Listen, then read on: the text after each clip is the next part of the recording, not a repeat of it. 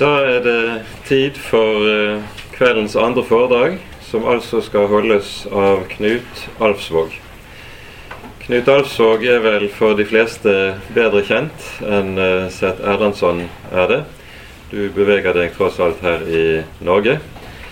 Han er eh, også nyvalgt nestformann i FBB, og eh, har til dagen sitt arbeid ved Misjonshøgskolen i Stavanger, der han nå er professor.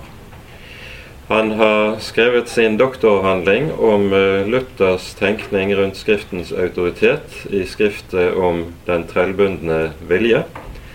Så eh, kveldens foredrag for Knut sin del går vel direkte inn i fortsettelsen av noe av det arbeidet som du har stått med der. Hjertelig velkommen, Knut. Ordet ditt. For å gjøre det litt lettere for dere å følge med i en uh, kveldsstund, så har jeg et sammendrag her av det jeg skal si. Det er ikke ganske ett til hver, men uh, hvis, dere, hvis, noen ser sammen med sidemannen, så dekker vi det. Ja, takk for anledningen til å komme her og være sammen med dere. Jeg har, jeg foreleste dette auditoriet før, men det var for NLA-studenter som vikarlærer, og da var det ikke så mange som nå. Eh, eh, jeg eh, er bedt om å si noe om Bibelens autoritet, og det skal jeg selvsagt gjøre. I prinsippet burde jo hvem som helst kunne gjøre det. Fordi dette emnet er såpass generelt og i en viss forstand ukontroversielt at det burde kunne foredras av hvem som helst. For tanken om Bibelens autoritet er blant de mest sentrale og udiskutable kjennetegn, vil jeg si, på en kristen menighet helt generelt. For en kan komme inn i de mest ulike menigheter når det gjelder liturgisk stil og teologisk profil, og vi kan være på forhånd helt sikre på én ting. Det vil bli lest fra Bibelen som hellig tekst i den gudstjenesten. Antagelig vil bibelteksten også bli utlagt i preken og brukt i menighetens bønner. Tanken om Bibelen som hellig og autoritativ tekst er et økumenisk kjennetegn for den samlede kristenhet. Ja, Vi kan faktisk bruke det som en definisjon av den kristne kirke. Eh, kristne det er de som når de kommer sammen, bruker Bibelen som hellig og autoritativ tekst. Sånn er det. Og slik sett er temaet jeg har fått i kveld blant de mest samlende utro, ukontroversielle og generelle i hele den kristne trosoverlevering at Bibelen er en bok som er autoritet for kristne. Det er blant de mest udiskutable påstander som jeg tror det i det hele tatt er mulig å framsette. Men enhver som kjenner litt til teologiens historie og aktuell teologisk debatt, vet at ikke alt er sagt med det. Og Det har vi jo for så vidt allerede blitt minnet om i kveld.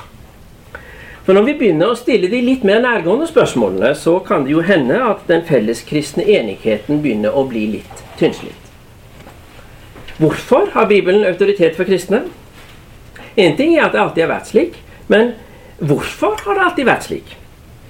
Og hva betyr det for oss i dag at Bibelen har autoritet? Og hva er forholdet mellom Bibelen og andre kilder til kunnskap og innsikt? De færreste vil mene at alt vi vet, er basert på Bibelen alene. Vi har åpenbart også andre kunnskapskilder som også kan være relevante i en teologisk og en kirkelig sammenheng. Hvilken autoritet har Bibelen i forhold til disse andre kunnskapskildene? Og kan den måten Bibelens autoritet begrunnes på, si noe om det? Det er de spørsmålene jeg skal prøve å si noe om i dette foredraget. Og da vil det jeg skal si, forhåpentlig etter hvert bli eh, litt mer kontroversielt, og dermed kanskje også litt mer interessant, enn den helt generelle påstand om at Bibelen er en autoritativ bok for alle kristne. Så over til del to, som jeg har kalt Bibelens autoritet og Jesus. Vi har nettopp fått en ny bibeloversettelse, og mange av oss har allerede skaffet oss den.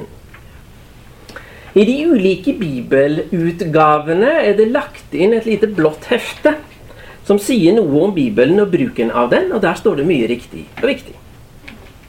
Men jeg mener å huske at da Bibelselskapets forrige oversettelse kom Noen av oss kan faktisk huske det ganske godt enda.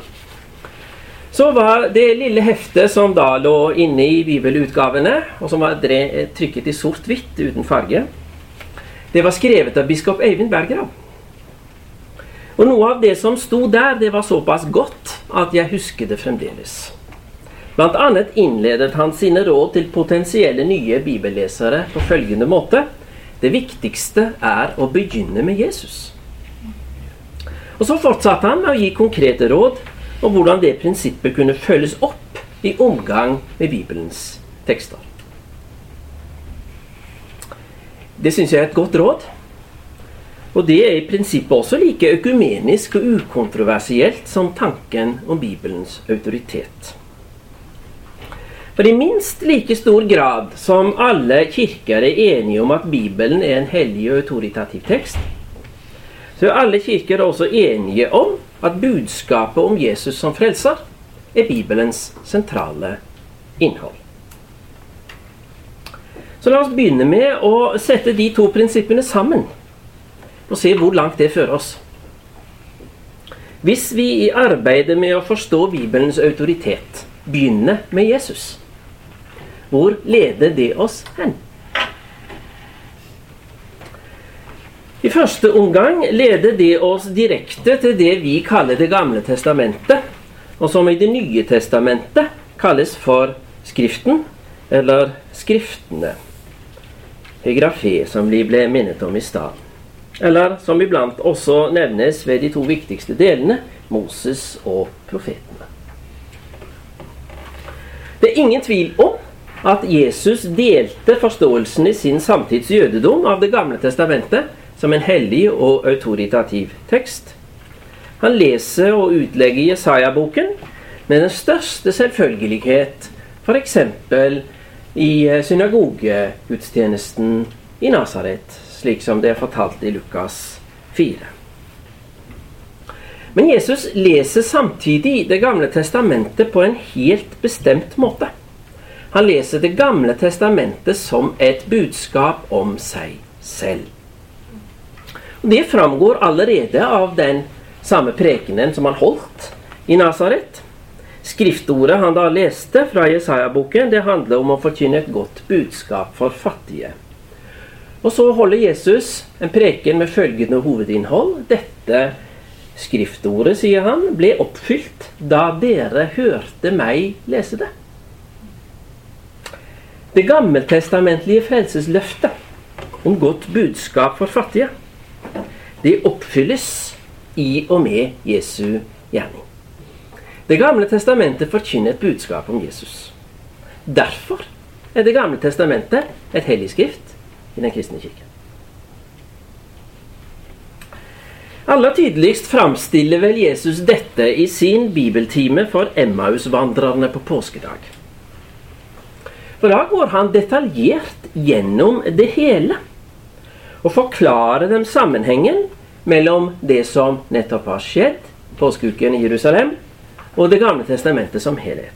Så uforstandige dere er, sier han, og så trege til å tro alt det profetene har sagt. Måtte ikke Messias lide dette, og så gå inn til sin herlighet?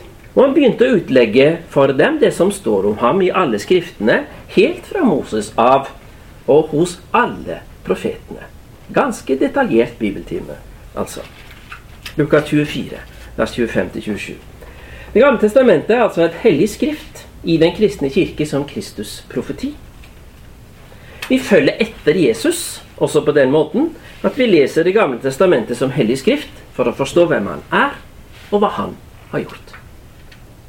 Og i Den kristne kirke er det først og fremst derfor en leser Det gamle testamentet. Nå er Lukas nokså sparsom i sitt referat av hva Jesus faktisk sa i denne bibeltimen. Han nøyer seg med å gi et eh, nokså eh, sammenpresset sammendrag. Vi kunne kanskje ønsket oss litt flere detaljer fra den bibeltimen. Opptak eller noe sånt. Eh, men det kan også godt hende at vi faktisk har en del flere detaljer fra den bibeltimen enn det vi i første omgang tror vi har. For når vi leser apostlenes utleggelse av Det gamle testamentet, særlig i de taler og skrifter de holdt og skrev for jøder, så befinner vi oss nok innenfor en utleggelsestradisjon som i stor grad er inspirert av Jesu omgang med Det gamle testamentet.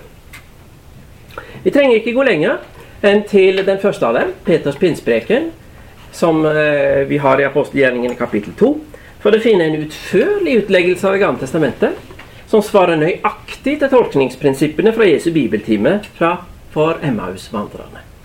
Den Jesus dere korsfestet, sier Peter, har Gud gjort til Herre og Messias. Eller sagt på en annen måte det er påskens begivenheter som oppfyller de gammeltestamentlige frelsesprofetier. Men en kritisk tilhører, og det håper jeg dere er, vil nå kanskje hevde at jeg er i ferd med å gjøre noe annet enn jeg sa jeg skulle gjøre. For jeg sa at jeg skulle nærme meg bibelautoriteten på grunnlag av Jesu omgang med autoritetsspørsmålet. Har jeg ikke nå allerede forflyttet meg fra Jesus til apostlene? Jesus brukte utvilsomt Det gamle testamentet som autoritet. Men hva med apostelskriftene, altså det vi kaller Det nye testamentet? Disse skriftene kunne jo Jesus av gode grunner ikke vise til. Hvis det er Jesus som er fundamentet for vår autoritetsforståelse, med hvilken begrunnelse leser vi da også Det nye testamentet som hellig skrift, slik jeg nå faktisk allerede har begynt å gjøre når jeg henviser til evangeliene og apostelgjerningene?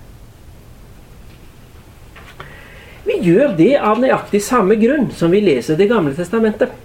Fordi Jesus har autorisert det. Det er nemlig Jesus som har autorisert apostlene og gitt dem den status de har i den kristne kirke. Det gjorde han første gang allerede i den såkalte disippelutsendelsestalen. Han sendte dem ut med følgende sterke og ubetingede fullmakt. Den som hører dere, hører meg. Lukas 10, vers 16. Påskedag gjentok Jesus uttrykkelig denne fullmaktsoverdragelsen og autoriserte disiplene som autentiske vitner om oppfyllelsen av det gammeltestamentlige frelsesbudskap. Vi leser videre fremdeles fra Lukas 24. Han åpnet deres forstand. Og Nå er vi tilbake i Jerusalem igjen, hos de elleve. Han åpnet deres forstand, så de kunne forstå Skriftene. Eh, og han sa til dem, slik står det skrevet. Messias skal lide og stå opp fra de døde tredje dag, og i hans navn skal omvendelse og tilgivelse for syndene forkynnes for alle folkeslag. Dere skal begynne i Jerusalem. Dere er vitner om dette. Lukas 24, vers 46-48. Denne Jesu autorisering av apostlene som de grunnleggende vitner om hva som hadde skjedd, og hva dette betød, er det som ligger til grunn for bruken av Det nye testamentet som hellig skrift i den kristne kirke. Den kristne kirke ble altså til med Det gamle testamentet som hellig skrift, autorisert av Jesus selv, og med Det nye testamentet allerede etablert i sin kjerne, som apostlenes muntlige Kristusvitnesbyrd i form av utleggelse av Det gamle testamentet.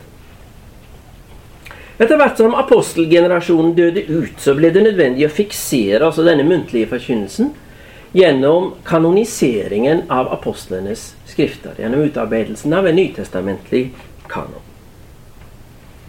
I denne kanoniseringsprosessen ser vi ganske tydelig hvordan Jesu autorisering av apostlene konkretiseres i form av krav til hvilke skrifter som kunne gjelde som autentiske apostelskrifter.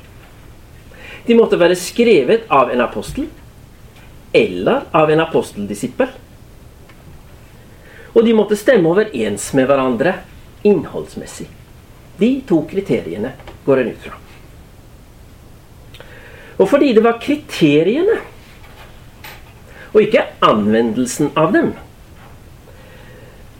som var basert på Jesu autorisasjon av apostlene, så kunne og kan Kirken godt leve med uavklarte spørsmål når det gjelder med hvilken autoritet den leser skrifter som befinner seg i kanons randsone. Men kriteriene er uoppgivelige, for de bygger direkte på Jesu fullmaktsoverdragelse til apostlene. Det er denne forståelse av kanoniseringen av Det nye testamentet som gjør at den lutherske kirke, og så vidt jeg vet også den ortodokse kirke, avstår fra å gi en liste over hvilke bøker som er å anse som den kanoniske. Ingen lutherske bekjennelsesskrift gjør det. I motsetning til hva som gjøres i den romersk-katolske og den reformerte kirke.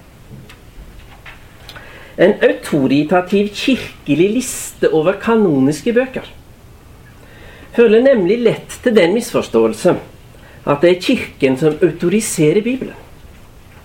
Kirken var der først, og så valgte den ut hvilke skrifter som den anser som autoritative. Men saklig og historisk er rekkefølgen en annen. Den begynner, som biskop Berggrav sa, med Jesus. Han vedkjente seg Det gamle testamentet og valgte ut apostlene. Og i tillit til og i lydighet mot hans valg er det vi leser de sentrale apostelskriftene som autentiske vitnesbyrd om hvem han er, og hva han har gjort. Bibelen er en enhet med Jesus som kjerne og sentrum. Og Det gamle og Det nye testamentet må leses sammen det nye testamentet oppfyller og fullbyrder det som Det gamle testamentet forbereder, og må derfor selv leses på grunnlag av den forberedende frelseshistorie vi finner i Det gamle testamentet. Den kristne bibel, altså den felles kanon av Det gamle og Det nye testamentet, er etablert på dette grunnlag. Den blir til på dette grunnlag. Med Jesus som fundament og sentrum. Både saklig og historisk sett er det slik. Hvis en tar bort den forutsetningen, så faller Bibelen fra hverandre i ulike skrifter og skriftgrupper. Og selvfølgelig kan en i og for seg også lese Bibelen slik. Men en bibellesning som ser bort fra Jesus som kjerne og sentrum, er av begrenset verdi for Den kristne kirke. Og den befinner seg også på en viss avstand fra historien om Bibelens tilblivelse. For den bibelske kanon slik vi nå har den, er blitt til ut fra den forutsetning at det er fortellingen om Jesus som er denne skriftsamlingens kjerne og sentrum. Og det som mer enn noe annet holder den sammen.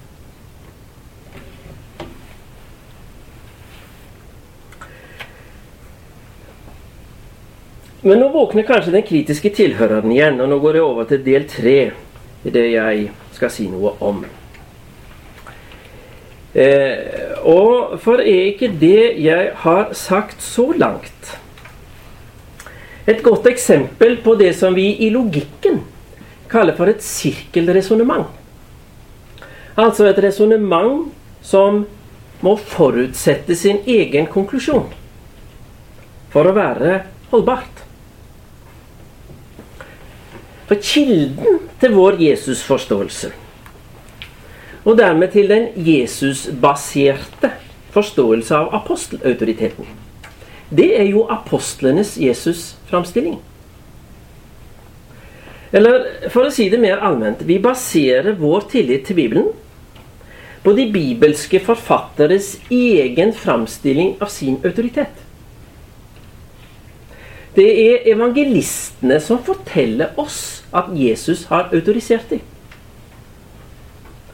Og når profetene kommer med sitt 'så sier Herren', så har vi ikke noe annet enn deres ord for det. Er ikke det et perfekt eksempel på et sirkelresonnement? Skjønner dere hva jeg mener med sirkelresonnement her? Altså, kan ikke noen nikke nå? Sånn at jeg er sikker på ikke liksom å snakke eh, Ja, fint. Bibelautoriteten bygger på et sirkelresonnement. Den gjør det. Og det tror jeg ikke vi skal være redde for å vedkjenne oss at den gjør. Kirkens forståelse av Bibelens autoritet bygger faktisk på et sirkelresonnement. Den forutsetter det den skal bevise. Og Det kan anføres både saklige og historiske grunner for at det må være slik. For å ta det historiske først. Kirkefedrene var vel klar over at de bygget sin forståelse av bibelautoriteten på et logisk sirkelresonnement. De var ikke dumme. De visste hva de gjorde. Men de gjorde det likevel. De så det ikke mulig å etablere en saksvanlig utleggelse av Guds åpenbaring på noe annet vis. Faktisk så må vi helt til den epoke som vi kaller for moderniteten, for å finne de første forsøk på å prøve å frigjøre seg fra sirkelbeviset i forhold til bibelautoriteten. I uh, idé- og teologihistorien arbeider vi riktignok med ganske lange perspektiv på det moderne. Det er ganske vanlig å si at moderniteten har sitt opphav i den retning på 1300-tallet, som allerede i sin samtid faktisk gikk under betegnelsen via moderne. Den moderne veien. Her finner vi nemlig teologihistoriens første forsøk på å levere fornuftbaserte gudsbevis. Altså forsøk på å etablere et resonnement som uavhengig av åpenbaringen skulle bekrefte i hvert fall deler av åpenbaringens sannhet. Altså et forsøk på å bryte ut av sirkelstrukturen og fundamentere trosoverbevisningen i noe annet. Reformasjonen vendte seg ganske heftig, tror jeg vi må kunne si, mot denne måten å arbeide teologisk på, og prøvde med slagordet 'Skriften er sin egen fortolker' det lyder flottere på latin, syns jeg.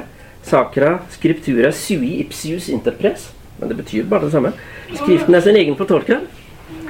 Eh, der, med den formuleringen så prøver en helt programmatisk å gjeninnsette sirkelresonnementet som teologisk fundamentalprinsipp.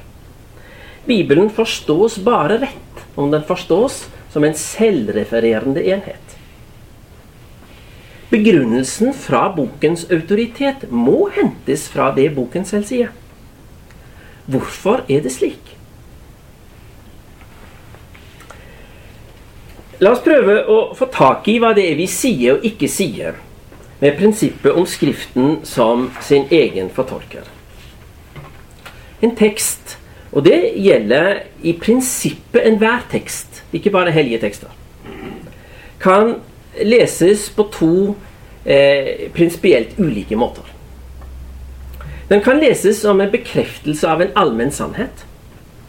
Altså som en bekreftelse av, eller eventuelt en utdyping av, noe som en vet fra andre kilder og kan finne andre steder. F.eks. en lærebok vil typisk være et eksempel på det. Eller den kan leses som noe egenartet. Noe som sies på en måte og med et innhold som ikke uten videre finnes i andre tekster. Alle tekster kan som sagt i prinsippet leses på begge måter, selv om ikke alle lesemåter er like relevante overfor alle tekster i alle sammenhenger. En klassisk litterær tekst er ofte primært interessant pga. sin egenart. Selvsagt så kan Shakespeare og Ibsen og andre klassiske litterære tekster leses som illustrasjon og kilde til forståelsen av generelle historiske og språklige prinsipper.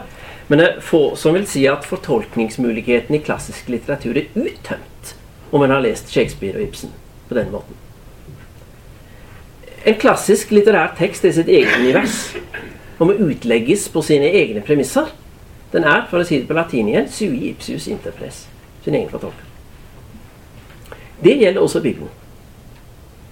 Den kan selvsagt leses som kilde til historiske prosesser og språklige fenomener, og som en illustrasjon på allmennmenneskelige sannheter. Og det er i og for seg ikke noe galt i en slik måte å lese Bibelen på.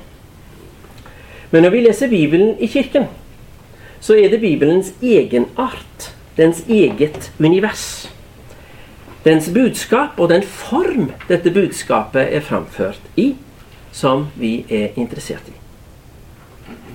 Det er enda viktigere at vi gir rom for at boken kan utlegges på sine egne premisser når vi leser Bibelen, enn når vi leser klassiske tekster fra litteraturen. For de gir oss innsikt i forfatterens kunstneriske univers. Og det kan være berikende. Men i Bibelen, når den leses på sine egne premisser, så føres vi inn i Guds tanker om oss og den verden som vi der leser at han har skapt. Og skal egenarten i det vi da leser, kunne fastholdes, må det nettopp ikke leses som eksempel på ting vi kan finne andre steder. For da vil egenarten i Bibelen som Guds tale til oss bli borte. Derfor er det altså Guds egen annerledeshet i følge til alt skapt og alt menneskelig som er sirkelresonnementets teologiske fundament. Gud tenker annerledes enn oss, står det i Jesaja-boken kapittel 55. Og det han forkynner som apostel og basert på Guds kall, sier Paulus, er derfor noe som ikke kom opp i noe menneskehjerte, men som Gud selv har gjort ferdig for dem som elsker ham. Første kor 2.9. Derfor kan ikke Bibelens budskap, eller den form det her foreligger i, svare til noe som finnes andre steder, og forstås som en bekreftelse av noe en finner et annet sted. Bibelen er enten unik eller teologisk uinteressant. Bekreftelsen av det bibelske budskap kan derfor ikke hentes noe annet sted enn i det bibelske budskap selv. Å søke likevel en slik bekreftelse blir resultatet en forskyvning av innholdet i budskapet, slik at det ikke lenger får si oss det det vil si. For da er det ikke lenger det som ikke kom opp i noe menneskes hjerte en søker i Bibelen, men nettopp det en kan finne i menneskehjertenes selvutleggelse og selvutfoldelse. Og Der kan en finne mye interessant, men en kan ikke finne evangeliet om Guds ubetingede kjærlighet til syndere der. Det er det som er Bibelens budskap. Det er dette som ligger i reformasjonens tanke om Bibelen som sin egen fortolker, eller i det enda kortere slagordet 'Skriften alene'. Dette slagordet er ikke ment som en kritikk av kirkehistoriens tilfang av bibelutleggelse og bibelbasert forkynnelse. Tvert imot kan dialogen med fortidens bibelutleggere være en god måte å fastholde egenarten i Bibelens budskap på de har antagelig skjønt et og annet, de som levde før også. Slagordet 'Skriften alene' er reformasjonens forsøk på å fastholde sirkelresonnementets prinsipielle betydning overfor alle forsøk på å begrunne teologiske påstander noe annet sted. Enten det er i pavelige dekreter eller i religiøse opplevelser eller andre steder. For verken pavelige dekreter eller religiøse opplevelser er i seg selv troverdige som vitnesbyrd om det apostoliske Kristusbudskap. Det er de bare om det saklig setter dette budskapet de baserer sitt innhold på. Og det kan hende de er, men det vet en ikke på forhånd. For det er det apostoliske Kristusvitnesbyrd som er troens fundament. Troen kommer av budskapet en hører, Romerne 10-17, eller på gresk så står det egentlig bare av hørelsen. I møtet mellom tekst, tekstutleggelse og tilhører blir troen til gjennom opplevelsen av budskapet som troverdig. Å referere til noe annet enn budskapet selv som begrunnelse for dets troverdighet er derfor ikke å forsterke budskapet, det er å erstatte det med noe annet. Derfor er det som jeg her har kalt for sirkelresonnementet teologisk nødvendig. Så går vi over til del fire, som jeg altså har kalt for autoritetsforståelsen som modernitetskritikk. Nå skal vi komme litt nærmere vår egen tidsmodernitet enn den der på 1300-tallet. For å sammenfatte så langt. Jeg mener at det apostoliske Kristusvitnesbyrd forutsetter å utfolde en bestemt forståelse av Bibelens autoritet, som eh, må anses basert på Jesus selv, i den grad det apostoliske Kristusvitnesbyrdet oppfattes som troverdig. Jeg mener også at denne forståelse av bibelautoriteten som ligger til grunn for utfoldelsen av tro og tanke i Oldkirken, i første del av middelalderen og i reformasjonen. Det alternative kilder til innsikt. Kirkehistorien, fornuften og den religiøse erfaring. De brukes bare rett om de oppfattes som underordnede og supplerende. Men de kan verken bekrefte eller avkrefte forståelsen av kristen tro som basert på opplevelsen av det apostoliske Kristusvitnesbyrd som troverdig. I de siste vel 200 år har denne forståelsen av Bibelens autoritet vært satt under ganske betydelig press. Det henger sammen med det krav om allmenn begrunnbarhet, altså en allmenngyldig begrunnelse, for alt som skal gjelde som sant, som kjennetegner den europeiske modernitet som for alvor slo gjennom opplysningstiden på 1700-tallet. Et åndshistorisk klima hvor dette kravet om allmenn begrunnbarhet gjøres gjeldende overfor alt som skal gjelde som forpliktende sannhet, vil en fortellingsbasert autoritetsforståelse For det er det vi har i Bibelen. Den vil ha eh, små muligheter for å gjøre seg gjeldende. Den oppfattes som en levning fra fortiden, og de som fremdeles hyller den som rariteter. De utryddes ikke men tenkningen, deres tenkning privatiseres og marginaliseres. Den enkelte kan gjerne få tro slik. Men fellesskapets normer må baseres på fornuft og allment tilgjengelig erfaring. Dette rasjonalitetskravet har redusert teologien fra sin tradisjonelle posisjon som vitenskapenes dronning til å måtte kjempe for sin plass ved universitetene.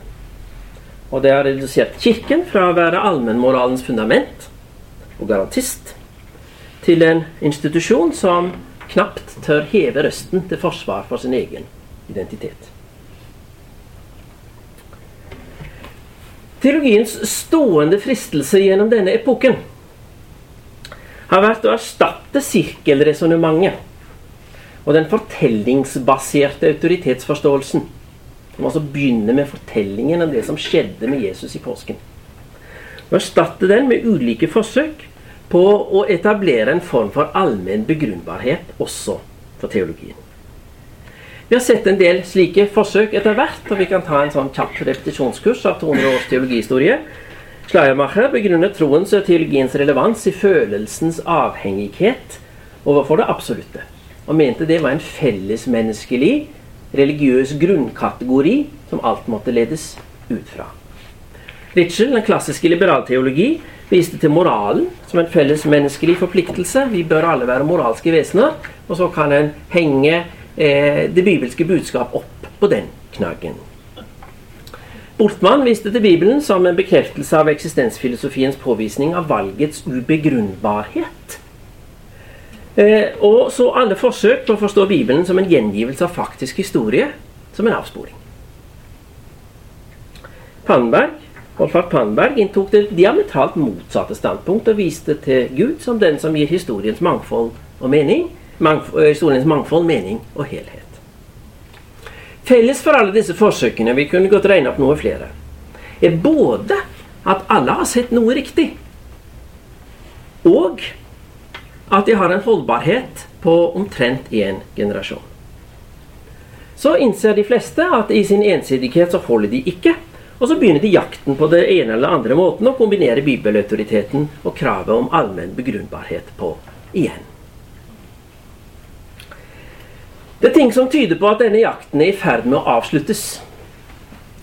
Det henger sammen med de allmenne endringer i kulturen som gjerne sammenfattes i overgangen fra modernitet til postmodernitet, og som kort fortalt innebærer at kravet om universell begrunnbarhet er i ferd med å miste mye av sin allmennkulturelle troverdighet.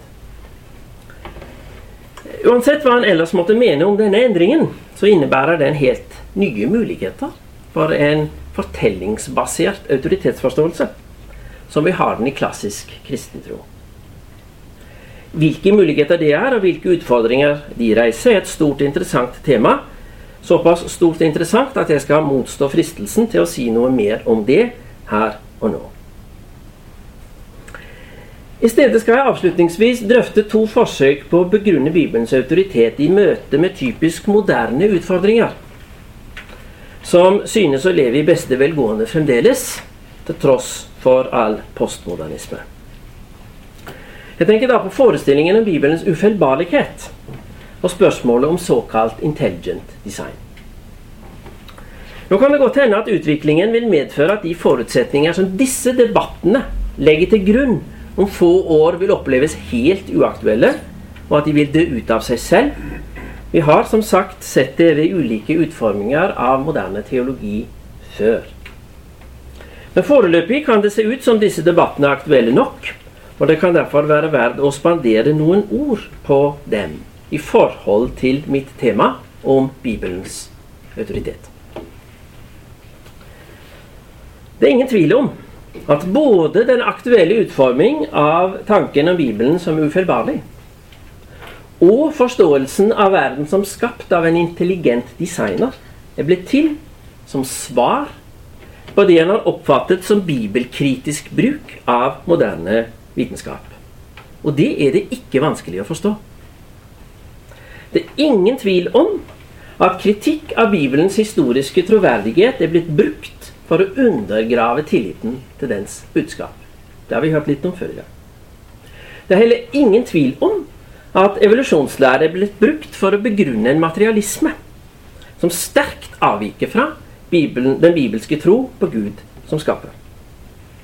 Slik sett kan både ufeilbarlighetstanken og intelligent design-læren synes å framstå som velbegrunnede forsvar for tanken om Bibelens autoritet. Jeg mener likevel det kan være grunn til å overveie, og det vil, jeg er interessert i å få litt respons fra salen på det i samtalen etterpå, grunn til å overveie om ikke kritikken av såkalt moderne vitenskap her er framført på en måte som i realiteten svekker bibelautoriteten mer enn den styrker den. Det jeg har prøvd å få fram i dette foredraget, er at saksvarende kristen tro blir til der det apostoliske Kristusvitnesbyrd får formidle sin egen troverdighet slik tekstene framstiller den. Og ikke i kraft av noe annet. Støtteargumenter tror jeg villeder mer enn de veileder. For troen forholder seg til det Kristusvitnesbyrd bibelteksten formidler, og ikke til en teori om teksten. Og det budskapet som formidles, det er evangeliet om Gud, som alle gode gaver giver, slik vi opplever og mottar dem her og nå. Det er dette budskapet tekstene er interessert i å formidle, og dette budskapet deres troverdighet skal tjene. Riktignok forutsetter dette budskapets troverdighet at bestemte begivenheter har funnet sted på bestemte måter. Den bibelske åpenbaringen er knyttet til faktiske hendelser i tid og rom, slik bibelfortellingen formidler de. Har Kristus ikke stått opp fra de døde, er troen uten mening, skriver Paulus i 1. Korinterbrev kapittel 15. Og jeg tror, i motsetning til Boltmann, ikke at det er noen god idé å polemisere mot det Paulus her sier. Jeg tror for så vidt normalt ikke det er noen god idé å polemisere mot noe Paulus sier andre steder heller, men det så vidt en annen sak. Men å strekke dette argumentet til en ufeilbarlighetstanke som skal ivareta alle begivenheter i den bibelske tekstsamling som uanfektbare historiske realiteter, beskrevet slik den ideelle, tilstedeværende reporter ville ha beskrevet dem, det vil jeg mene bunne i en form for rasjonalisme som tekstene selv ikke legger opp til. Å drive teksttolkning ut fra en slik ufeilbarlighetslogikk, det er etter min oppfatning å lese sine egne oppfatninger inn i teksten i minst like stor grad som det Schleiermacher og Boltmann gjorde. Noe tilsvarende tror jeg faktisk også gjelder intelligent design-argumentet. Bibelen bruker ikke skaperverkets velordnethet som et selvstendig argument for å tro på Gud. Det skyldes flere forhold.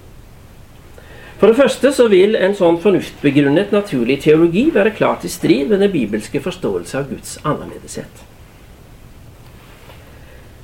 For det andre gjør både menneskets synd og det ondes problem det umulig å etablere en motsigelsesfri forståelse av skaperverkets godhet. Den troende, som gjennom det apostoliske Kristusvitnesbyrd har lært Guds godhet å kjenne, vil selvfølgelig se denne godheten også i skaperverkets storhet, og prise Gud for den.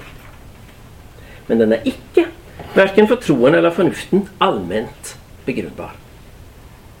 Intelligent design-argumentet det stammer ikke fra Bibelen, det stammer fra Aristoteles. Og det er ingen grunn til at vi i kirkelige sammenhenger skal prøve å redde det ved kunstig gjenopplivning. I det hele tatt er det generelt grunn til å advare mot å gjøre modernitetens fornuftforståelse til ramme for forståelsen av Bibelens autoritet, slik jeg vil mene både Ritschel, Pannberg, ufølbarlighetsteologene og intelligent design-folkene gjør. Det er mange gode grunner bedre å gjøre den bibelske autoritetsforståelse til utgangspunkt for en kritikk av selve de grunnleggende premisser for den moderne fornuftdyrkelsen. Vi mennesker er ikke først og fremst fornuftbestemte vesener. Kjærligheten, eller dens negative speiling, begjæret, er mye viktigere. Bare tenk på hvordan mellommenneskelige kjærlighetsforhold etableres. De oppstår sjelden primært som et resultat av fornuftbegrunnede analyser, selv om fornuften forhåpentligvis har en sekundær bekreftelse eller utsilingseffekt. På bibelske premisser er det, det, er det naturlig å se det som et resultat av at mennesket er skapt i Guds bilde. Gud er selv kjærlighet, og han ønsker å etablere et kjærlighetsforhold til oss. Derfor ble han selv menneske, og derfor autoriserte han bestemte vitner til å fortelle om og fortolke det han da gjorde.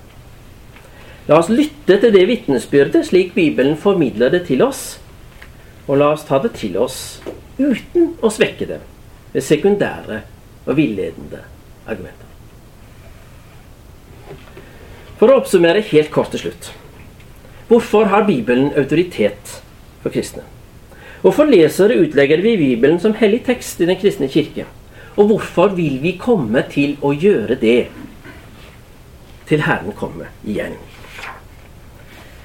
Vi vil gjøre det, det er slik, fordi Jesus autoriserer Bibelen for oss. Han brukte selv Det gamle testamentet som vitnesbyrd om seg selv, og han autoriserte bestemte vitner til å fortelle hva han hadde gjort, og hvilken betydning det har. På grunnlag av den autorisasjonen ble Det nye testamentet til, og mottatt som hellig skrift i kirken sammen med Det gamle. Denne skriftsamlingen leser vi i kirken som en enhet, hvor de ulike delene bekrefter, autoriserer og utlegger hverandre. Og annerledes kan det ikke være. For ethvert forsøk på å supplere bibelautoriteten med sekundære argumenter endrer forståelsen av det budskapet som Bibelen vil formidle. Det er det viktig å bevare som et kritisk perspektiv på alle forsøk på å etablere slike alternative begrunnelser, både de fortidige og de samtidige. Takk for oppmerksomheten.